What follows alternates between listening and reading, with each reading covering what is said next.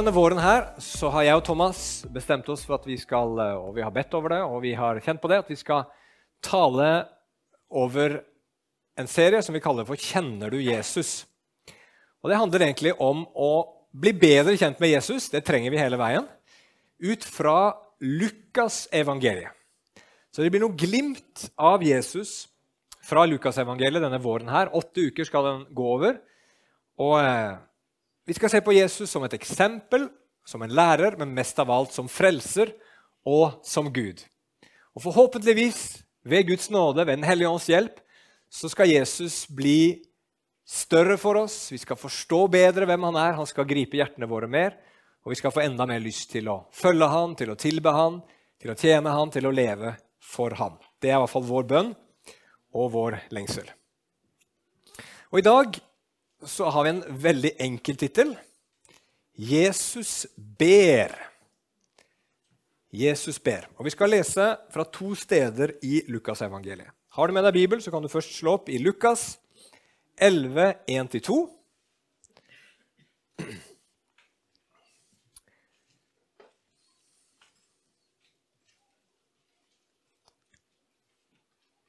Og der står det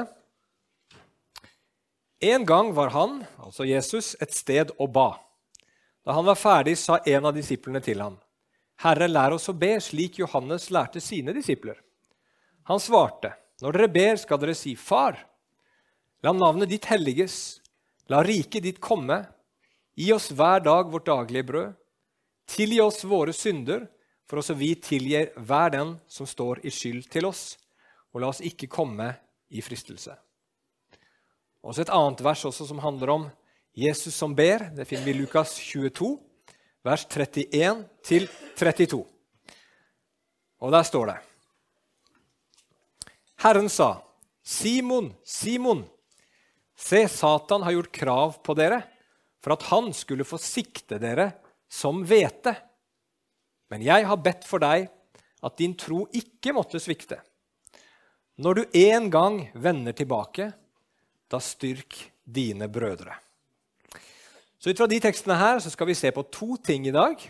Og Det ene er at Jesus lærer oss om bønn.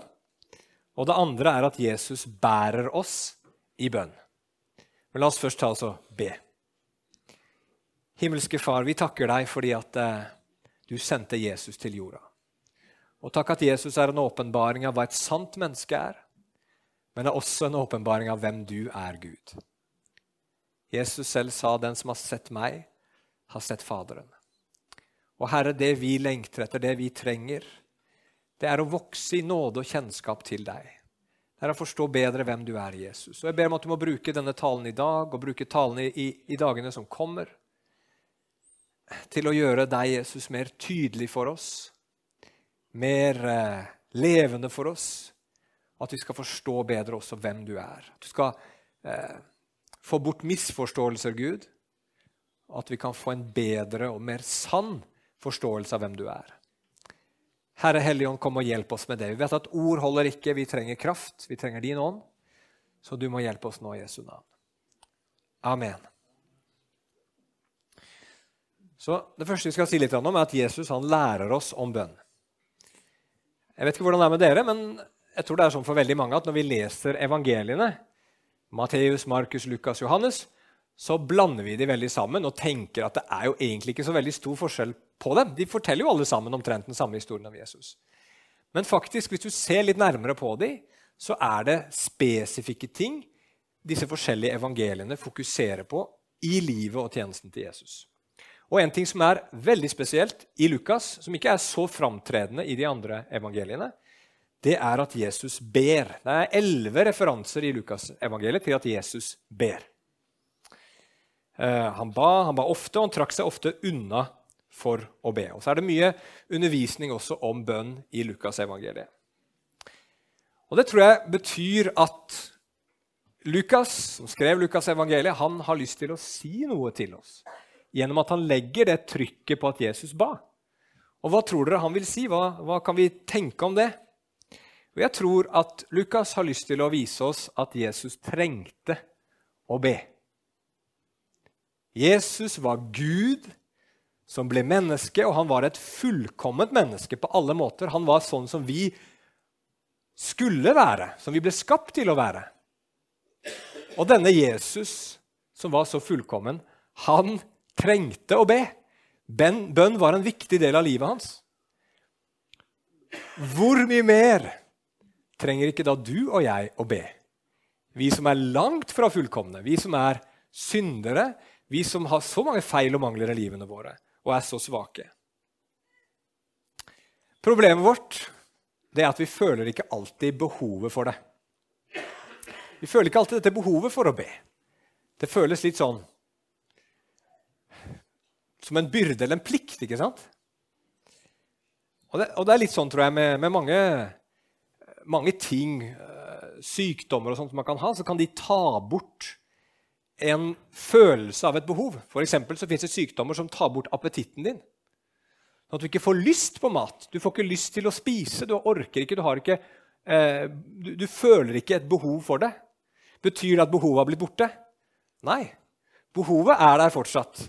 Men følelsen av behovet har blitt borte. Og jeg tror at noe av syndefallets konsekvenser for oss mennesker det er at behovet for bønn følelsen at vi trenger Gud og trenger å gå til Han, det er svekka. Men Bibelen forteller oss, bl.a. gjennom Jesu liv, at det er helt vitalt. Gud vil prøve å peke på et behov vi har, som vi ikke alltid kjenner og ser og opplever like mye selv. Og så er det også veldig interessant at Når det er snakk om Jesus sitt bønneliv, så nevnes det ofte tid og sted. Tid og sted det er en viktig ting. Bønn i Jesu liv var ikke overlatt til tilfeldighetene. Han ba på bestemte tider, det var planlagt. Og han gikk på spesielle steder for å be, ofte på steder hvor han kunne være alene. Og Da kan vi jo tenke over våre liv. ikke sant? Hvordan er mitt bønneliv? Er det planlagt, eller er det litt overlatt til tilfeldighetene? Jeg tenker det er veldig viktig ut ifra Jesu eksempel at vi tenker ok, bønn det er noe som jeg vil planlegge, og jeg vil ha et sted for å be. Så la oss være litt praktisk, da. Hvis du skal prøve å ha et fast bønneliv, så er det viktig for det første å finne et tidspunkt som fungerer. Du kan ikke sette det liksom eh, eh når det er som travlest på dagen, eller når du bare vet at du garantert blir forstyrra. Så f.eks. tidlig om morgenen før noen har stått opp, kan være en veldig, veldig god tid. Hvis man har små barn, så klarer man kanskje ikke å vekke seg selv før barna våkner. Så da blir det verre. Skal man veldig tidlig opp på jobb, kan det bli vanskelig òg. Men da må man prøve å finne andre tidspunkter. På kvelden, kanskje etter at barna har lagt seg, hvis man har barn. Eller hvis du har store barn, så kan det hende at det er noen tidspunkter på dagen hvor barna er på aktiviteter. og sånn. Da har du en mulighet. Har du ikke barn, så kan ting bli litt enklere. og så er det bare å bestemme ok, på det tidspunktet på dagen da har jeg faktisk tid. Da er det ro, da er det fred. Da kan jeg sette meg ned og ha fellesskap med Gud. Og Et lite sånn praktisk tips som jo er veldig veldig enkelt å gjennomføre nå, i våre dager, det er å plotte det inn i kalenderen sin eller sette på en, sette på en alarm på det tidspunktet på dagen hvor du har tenkt til å be. Og Det er fordi at det er så lett at det går i glemmeboka eller at du utsetter det. For det er liksom ofte nederst på prioriteringslista vår. Men bruk det redskapet som det er. Plott inn en tid. Og så si ok, da skal jeg be, og så ringer klokka, og så ser du på den og tenker du, å nei, nå passer det utrolig dårlig å be. Nå har jeg ikke lyst til å be, eller et eller annet sånt. Men ok, jeg har bestemt meg for det. Jeg ber nå. Det hjelper. Det er en stor hjelp. Jeg benytter meg av den muligheten sjøl. Og så er det viktig å sette seg et realistisk mål. Altså, Du kjenner deg selv, du vet hvor mye du er i stand til å be hvor lenge du klarer liksom, å holde på før, uh, før, før, det liksom blir for mye. Og i tillegg hva som er realistisk at du tenker at du kan putte inn i hverdagen din nå. Hvis du legger opp til en times bønn hver dag, så, så, blir det så mye, det kommer til å ødelegge så mye av programmet ditt at du bare liksom gir opp på forhånd. Åh, nå skulle jeg egentlig bedt en bønn, bønn en time, en, en, nå skulle jeg egentlig bedt en time, men åh, hvis jeg skal be en time nå, så kommer jo alt til å gå helt skeis i, i liksom programmet mitt. Men hvis du heller setter av ti minutter, så det er alltid plass til ti minutter. Det er ikke liksom eh, så ekstremt travelt i hverdagen vår at vi ikke kan klare, klare å skvise inn det. Så, og det å, å, å, å, ha realistiske mål er veldig bra, for da ber du iallfall litt hver dag istedenfor å be litt hver uke. Eh, eller mye én gang hver uke, hvis dere skjønner. Det er mye mer nyttig og mye mer eh, styrkende for deg å ha det oppstykka sånn, sånn at det blir en, en rytme i det. Og det siste er å be et sted hvor man kan være uforstyrra. For noen av oss er det lettere enn andre. Eh, jeg vet ikke om dere har hørt om John Wesleys mor. John Wesley han var eh, en kjent forkynner og var en av de som sto bak metodistvekkelsen på 1700-1800-tallet. Og Hans mor var en bønnekvinne, men hadde utrolig mange barn. Jeg tror de levde i et lite hus eller en liten leilighet hvor det ikke var så mange rom hvor hun kunne trekke seg tilbake. Så om det var åtte barn eller hva det var, vet jeg ikke, som liksom løp rundt henne hele dagen. Men så, midt på dagen, så pleide hun å ta en time hvor hun liksom trakk opp ytterskjørtet sitt og bare gjemte seg inni der. Og der inne satt hun og ba. Og barna visste at ok, nå er det ikke nytter ikke å prøve å få kontakt med mamma. nå får vi klare oss selv. Så det å bare være kreative Eh, det er ikke alltid jeg finner noe sted hvor jeg kan liksom finne ro. og Da putter jeg bare noen ørepropper inn i ørene og så lukker jeg øynene og så ber jeg til Gud. Det funker faktisk utrolig bra. Poenget er å få ro og få muligheten til å konsentrere seg. og Da kan det være smart å legge mobilen i hvert fall utenfor rekkevidde. Og gjerne skru av lyden så ikke det kommer et pling hvor du tenker å, kanskje det er den som sender en melding, eller kanskje det er den som vil ha noe, eller hva var det? Og så forstyrres vi i bønnen. Ok, Så litt bare veldig, veldig praktisk. Men så kommer det viktigste, og det som er spørsmålet til disiplene her. Hvordan skal jeg be? Og Det er et godt spørsmål, men det kommer litt an på hva som ligger bak.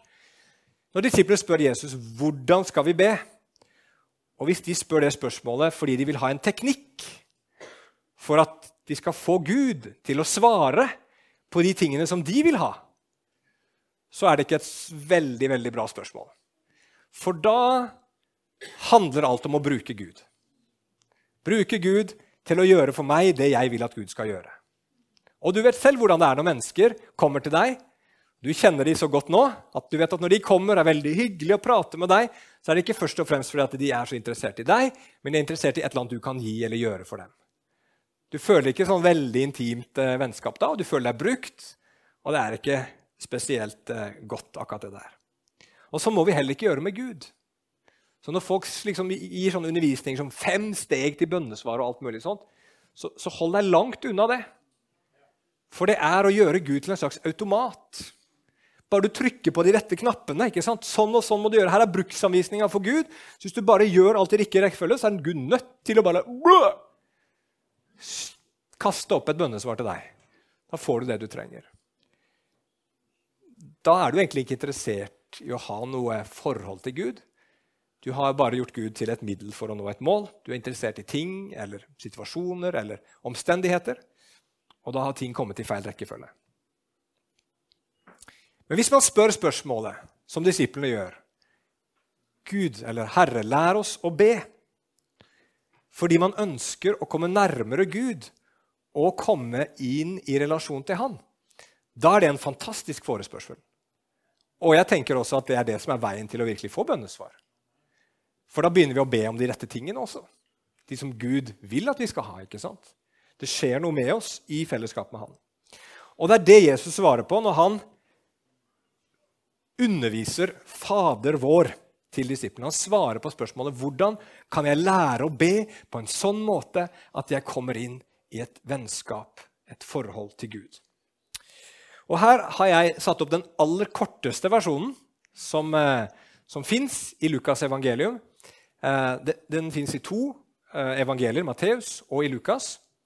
Og En del av dere ble sikkert litt forvirra når dere kikka i Bibelen deres, når jeg leste det her, for deres versjon var mye lenger.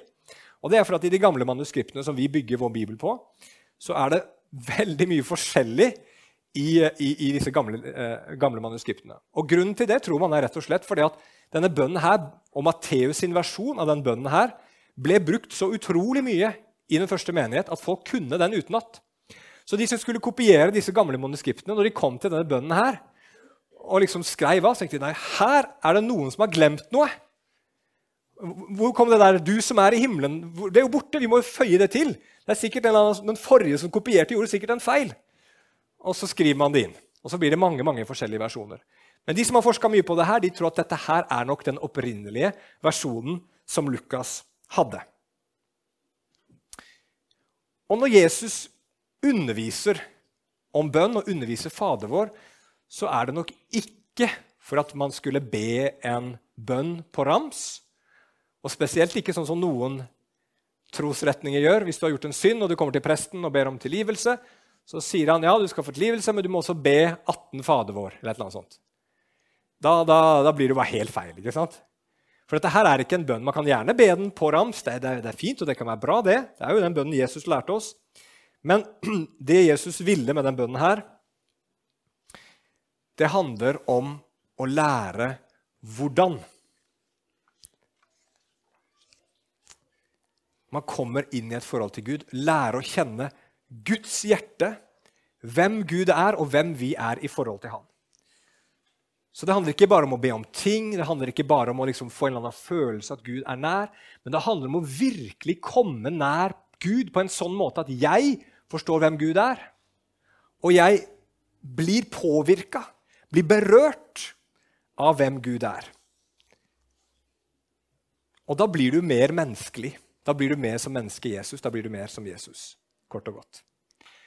Det er litt sånn som i fotball. Nå er ikke jeg noen fotballentusiast, jeg bruker ikke det så veldig ofte som et eksempel. Men jeg har forstått det at liksom, i disse dager, når du skal være god, en god fotballspiller, så handler det ikke bare om å kunne skyte godt og drible godt, men det handler om å være i stand til å være på rett posisjon til rett tid. Veldig Mange av disse her trenerne de har voldsomme planer og strategier for at alle skal liksom vite hvor de skal være, sånn at alle vet hvor de andre er. Og så kan man spille på en bestemt måte sammen, bevege seg på en bestemt måte, sånn at man lett kan finne en medspiller når man trenger det, sånn at rett person er på rett plass når motstanderne angriper, osv. osv. Og hvis man ikke er på plassen sin i fotball, så mister man ballen, og så er det motstanderen som får den. ikke sant? Eller så blir det et hull i forsvaret, og så går motstanderen bredt på mål og skårer. Posisjon er enormt viktig. Og det som Jesus prøver å fortelle oss her også, det er at i forhold til Gud så trenger du også jeg vite hvilken posisjon vi er i. For vår tendens som mennesker er hele veien å sette oss over Gud. Eller sette oss ved siden av Gud. Tenke alle slags mulige tanker hvor vi ikke er i rett relasjon til Gud.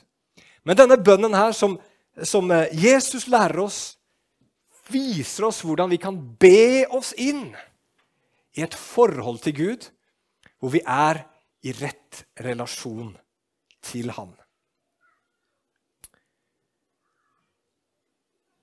Så for eksempel, når Jesus sier at vi skal be til Gud La ditt navn holdes hellig, eller la navnet ditt helliges. Hva er det du ber da? Jo, For det første så anerkjenner du at Gud har et navn. Han er en person. Han er ikke bare en sånn kraft som du og jeg kan prøve å manipulere til vår fordel. Han er en person som du og jeg skal ha et forhold til.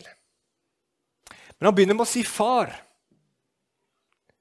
fordi han vil at vi skal se Gud som vår far. Og Når du ser på Gud som din far, så tenker du først på en som forsørger deg, tar vare på deg. Men du plasserer deg også i Kristus. For hvorfor er Gud din far? Jo, fordi Gud er Jesu Kristi far. Og du er i Jesus Kristus. Du tror på ham, da er du i Kristus. Og dermed så behandler Gud deg som sitt barn på samme måte som han behandler sin sønn Jesus Kristus. Da posisjonerer du deg i forhold til Gud, sier 'Du er min far'. Jeg er ditt barn. Og som en forkynner sa, som jeg hørte på nylig, det handler ikke bare om å liksom, tenke på at Gud han er far og, og, og, og, en god far som vil oss det beste. Men det handler også om å forstå at jeg er et barn. Og du vet hvordan barn er de vet ikke alltid sitt eget beste. Og når vi kommer til Gud og har den innstillinga at Gud, du vet hva som er best for meg Jeg ber om det som jeg kjenner på er mine behov akkurat nå, men takk at jeg er i din faderhånd, og du sørger for meg og bryr deg om meg og kommer til å ta vare på dette livet som jeg har. Men tilbake til at navnet ditt helliges. Vi ber ikke bare til en Gud som er en personlig Gud, men vi ber og sier til Gud ditt navn er det viktigste navnet. For vi mennesker vi kan veldig, veldig fort være opptatt av vårt eget navn. Enten at vi vil skape oss et navn, Det gjorde de med Babels tårn i Det gamle testamentet. De ville bygge dette tårnet for å skape seg et navn. Men Gud var ikke så fornøyd med dette tårnet i Babel. Han stoppa det der, fordi han visste at når mennesker vil skape seg et navn, når mennesker har ambisjoner, vil gjøre seg selv til noe stort, så følger det med masse elendighet med det. Det er sånn det blir krig. Det er sånn folk eh, går eh, over andre mennesker, tråkker ned andre mennesker på veien til å nå sine mål. Det blir destruktivt. Men vi gjør det ofte fordi vi tenker at hvis jeg får til det, da er jeg noe. da er jeg verdt noe. Hvis jeg kan skape meg et navn, da kan jeg vite at jeg også er ok. Jeg er et bra menneske. Andre ser opp til meg. Jeg er betydningsfull. Og så er vi også opptatt av navnet vårt for å beskytte vårt eget gode navn og rykte. Og Det som ofte kan skje da, er jo det at vi er redde for å stikke oss ut. Vi tør ikke stå for Jesus. Eller vi tør ikke å stå opp mot urett eller usannheter som det koster noe å stå opp for.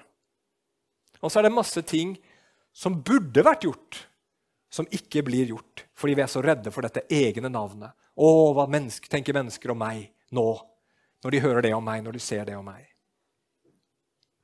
Men når vi ber denne bønnen, at ditt navn holdes hellig eller helliges, så sier vi til Gud Gud, det er ditt navn som er viktig. Jeg vil ikke leve for mitt eget navn. Jeg vil heller skryte av ditt navn og tenke at jeg er noe for du, som har det høyeste navnet. Du bryr deg om meg. Du elsker meg. Du er i mitt liv. Du er min far. Og Så henter vi det der, og så trenger vi ikke være redde for hva andre mennesker tenker og mener om oss heller. Da posisjonerer vi oss under Gud, og så følger det velsignelse med det. Eller når vi ber 'La ditt rike komme', da plasserer vi Guds eget rike over vårt eget lille rike. Dere vet, På engelsk så sier man at uh, 'My home is my castle'. Og det er jo litt sånn ikke sant, at hjemmet vårt og de tingene vi eier, de er på mange måter vårt lille rike som vi holder på å bygge. Hvor vi vil ha det trygt, hvor vi vil ha det godt, hvor vi vil skape en lykkelig tilværelse.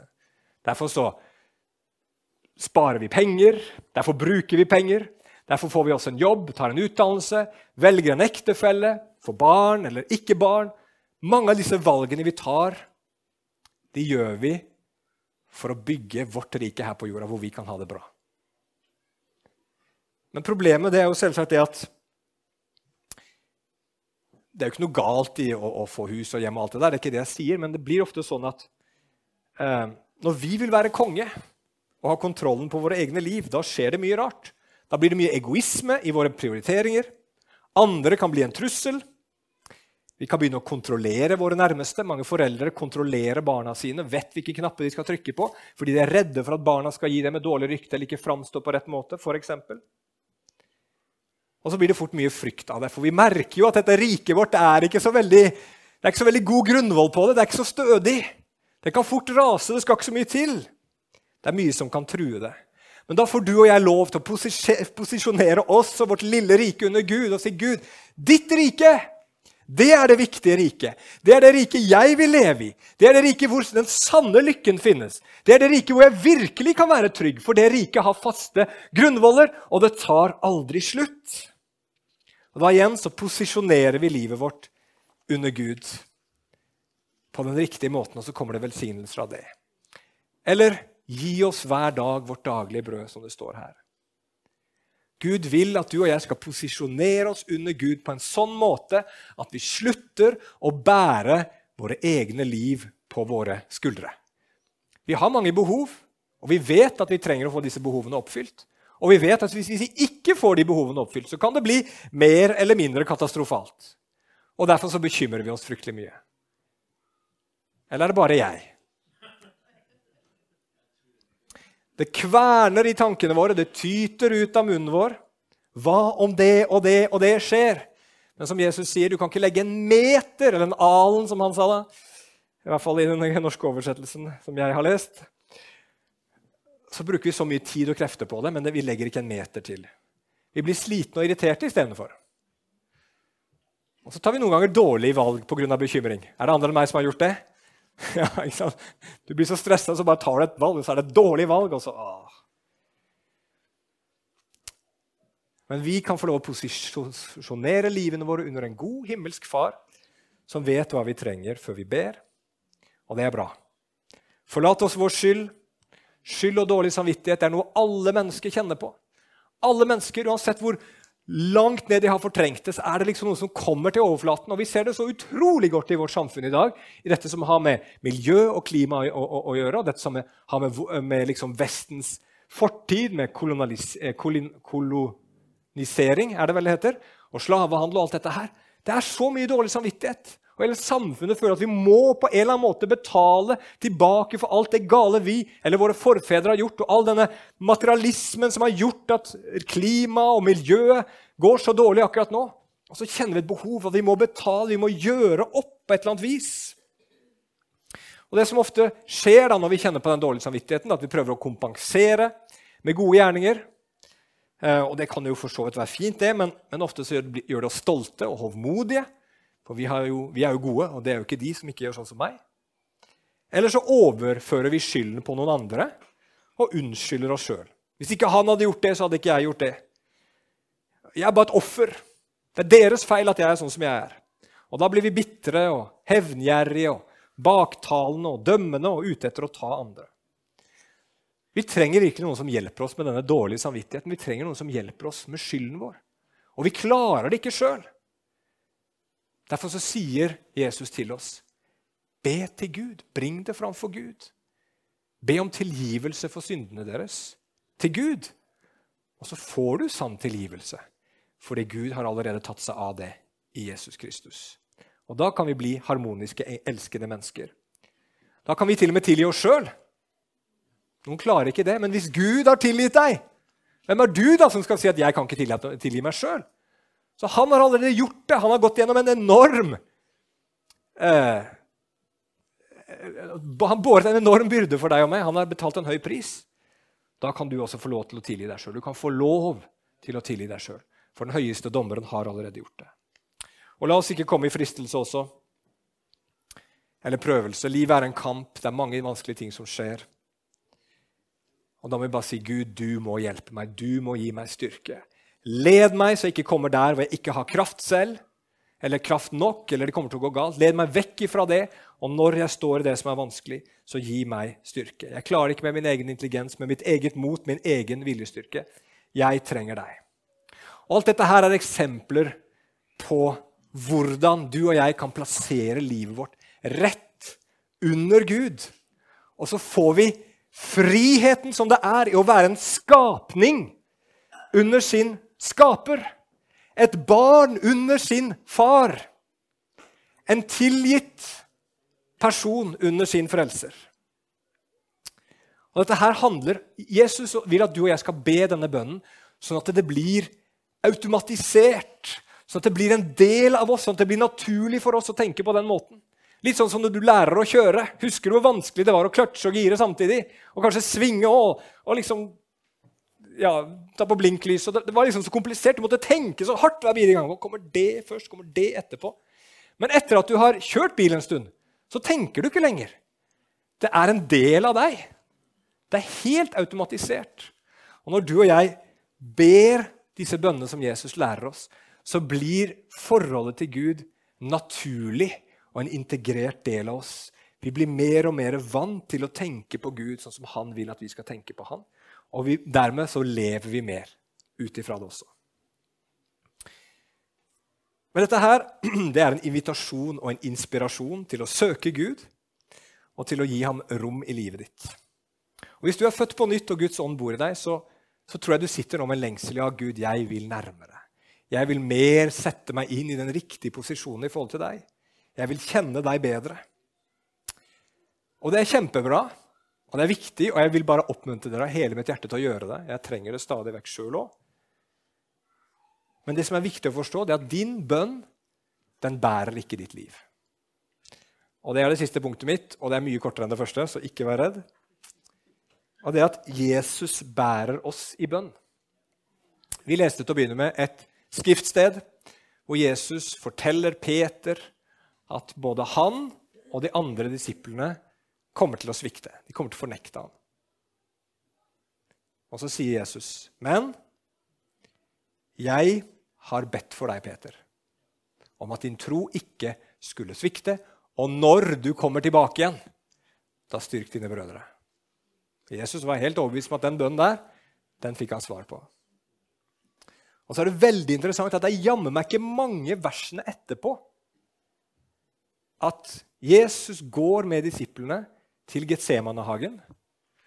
Og så sier Jesus til disiplene og til Peter, eller de som er med ham, da, Våk og be, så dere ikke skal komme i fristelse. Våk og be for at dere skal få styrke til å møte denne fristelsen, denne prøvelsen som kommer over dere. Og hvordan gikk det? For de som har lest litt Bibel, vet at den bønnestunden der ble veldig kort. Eh, bønnedelen, i hvert fall. Og så ble det mye soving etterpå.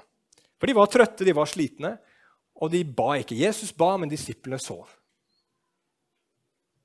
Hvordan gikk det med Peter, da? Ja, det, det, kunne gått bedre. så klart kunne det gått bedre. Men det gikk bra! Fordi at Peter var båret av noe mer enn sitt eget åndelige liv. Han var båret av noe mer enn sin egen bønn. Han var båret av Jesus sin bønn. Jesu bønn bar hans liv. Og Da kan vi jo igjen se på Jesus som et eksempel og si Jesus ba for andre. Vi bør også be for andre, og det er bra. Det, det skal vi gjøre. absolutt. La oss bruke Jesus som et eksempel på det her. Men det er noe med Jesus som vi ikke kan følge han i. Noe i Jesus som vi ikke kan imitere. Og det at Jesus nå i dag fortsetter å be for absolutt alle troende, og på den måten så bærer han våre liv. Og La oss se seinere i Bibelen hva det står om Jesus sin forbønnstjeneste. F.eks. For Romerbrevet 8,34. Hvem kan da fordømme? Kristus Jesus er den som døde, ja, mer enn det. Han sto opp og sitter ved Guds høyre hånd, og han ber for oss. Hebrebrevet 7, 24, vers, eh, 24 og vers 25. Men Jesus har et prestedømme som ikke tar slutt, fordi han er og blir til evig tid. Derfor kan han også fullt og helt frelse dem som kommer til Gud ved ham, fordi han alltid lever og går i forbønn for dem.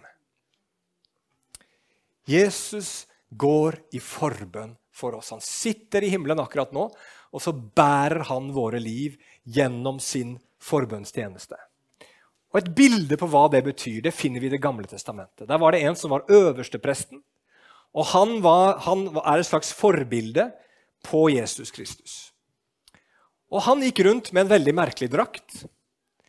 Og På den drakten så var det en plate som han hadde på brystet, like ved hjertet hans. Og På den platen var det tolv steiner, edelsteiner, ikke stjerner. Og på hver av de steinene så var ett av navnene på de tolv stammene i Israel skrevet. Og På skuldrene så hadde han også to edelstener Halvparten av Israels eh, stammer var skrevet på den ene, og den andre halvparten var skrevet på den andre. Hva betyr det? Jo, det betyr at øverstepresten, hver gang han går til Gud, hver gang han kommer til Gud, så bærer han hele folket med seg.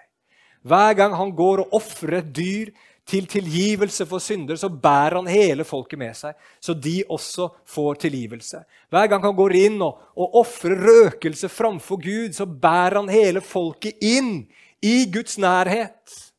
Denne øverstepresten var kledd i hvitt, han var ren. Derfor hadde han, han hadde gått gjennom mange renselsesprosesser. Derfor hadde han rett til å være der. Han hørte til Gud, han tjente Gud, han var nær Gud hele veien. Men gjennom han Gjennom den tjenesten som han gjorde, så ble hele folket båret inn i det fellesskapet med Gud. Og Jesu forbønnstjeneste er det samme. Det er ikke bare at Jesus ber en liten bønn for deg hist og her, men at Jesus gjennom hans verk, gjennom det han har gjort, gjennom det han er, står der som en representant framfor Gud. For deg og meg.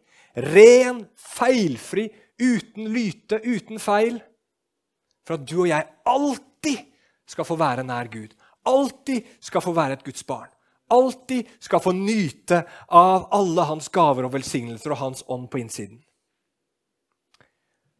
Og Jeg skal prøve å avslutte nå. Det står i 1. Johannes om nettopp dette her også. Du kan se at Det er noe som ligner veldig i 1. Johannes 2,2, hvor det snakker om Jesus som en annen, eller som en talsmann framfor Faderen. Og så står det om når du og jeg synder. Hva skal vi gjøre da? Jo, vi skal be Gud om tilgivelse. Og så står det at Gud er trofast og nådig, så han tilgir oss syndene. Står det det? Står det at Gud er trofast og nådig? Nei, det står ikke det. Det står at han er trofast og rettferdig. Så Jesus sin forbundstjeneste framfor Gud det er å be Gud om rettferdighet. Når du og jeg faller og synder og svikter, så sier Jesus til Gud, 'Gud, vær rettferdig med han nå. Husk at jeg døde for han. Husk at jeg levde fullkomment for han. Husk at han har all rett til å tilhøre deg og til å komme til deg på grunn av det som jeg har gjort. Og Gud, siden han er rettferdig, så gir han rettferdighet. Derfor så er ditt liv med Gud ikke båret av dine gjerninger, om det er ditt bønneliv eller noe annet du gjør, men det er båret av Jesu liv og bønneliv framfor Faderen. Hvert minutt, hvert sekund blir du og jeg båret av det. Og det er gjennom det at du hele veien har fellesskap med Gud. Det er gjennom det at du hele veien har del i Guds velsignelser og evig liv. Alt det der tilhører deg gjennom Jesus. Og da er du fullstendig trygg. Da er det ingenting som er farlig. Da er det ingenting du trenger å frykte, sier Bibelen. Og La oss avslutte med et vers som bare viser oss hvor utrolig sterkt dette er. Dette er Romerbrevet 8,35. Kommer rett etter 8,34, som vi leste for ikke så lenge siden. Og Der står det videre. Hvem kan skille oss fra Kristi kjærlighet? Nød, angst, forfølgelse, sult, nakenhet, fare eller sverd? Som det står skrevet, for din skyld drepes vi dagen lang, vi regnes som slaktesauer. Men i alt dette vinner vi mer enn seier ved Ham som elsket oss. For jeg visst på at verken død eller liv, verken engler eller krefter, verken det som nå er eller det som kommer, eller noen makt, verken det som er i det høye eller i det dype, eller noen annen skapning, skal kunne skille oss fra Guds kjærlighet i Kristus Jesus, vår Herre. Vi blir båret av Jesu bønn. Og når vi blir båret av Jesu bønn, så er det ingenting som kan skille oss fra Gud. Ingenting. Amen.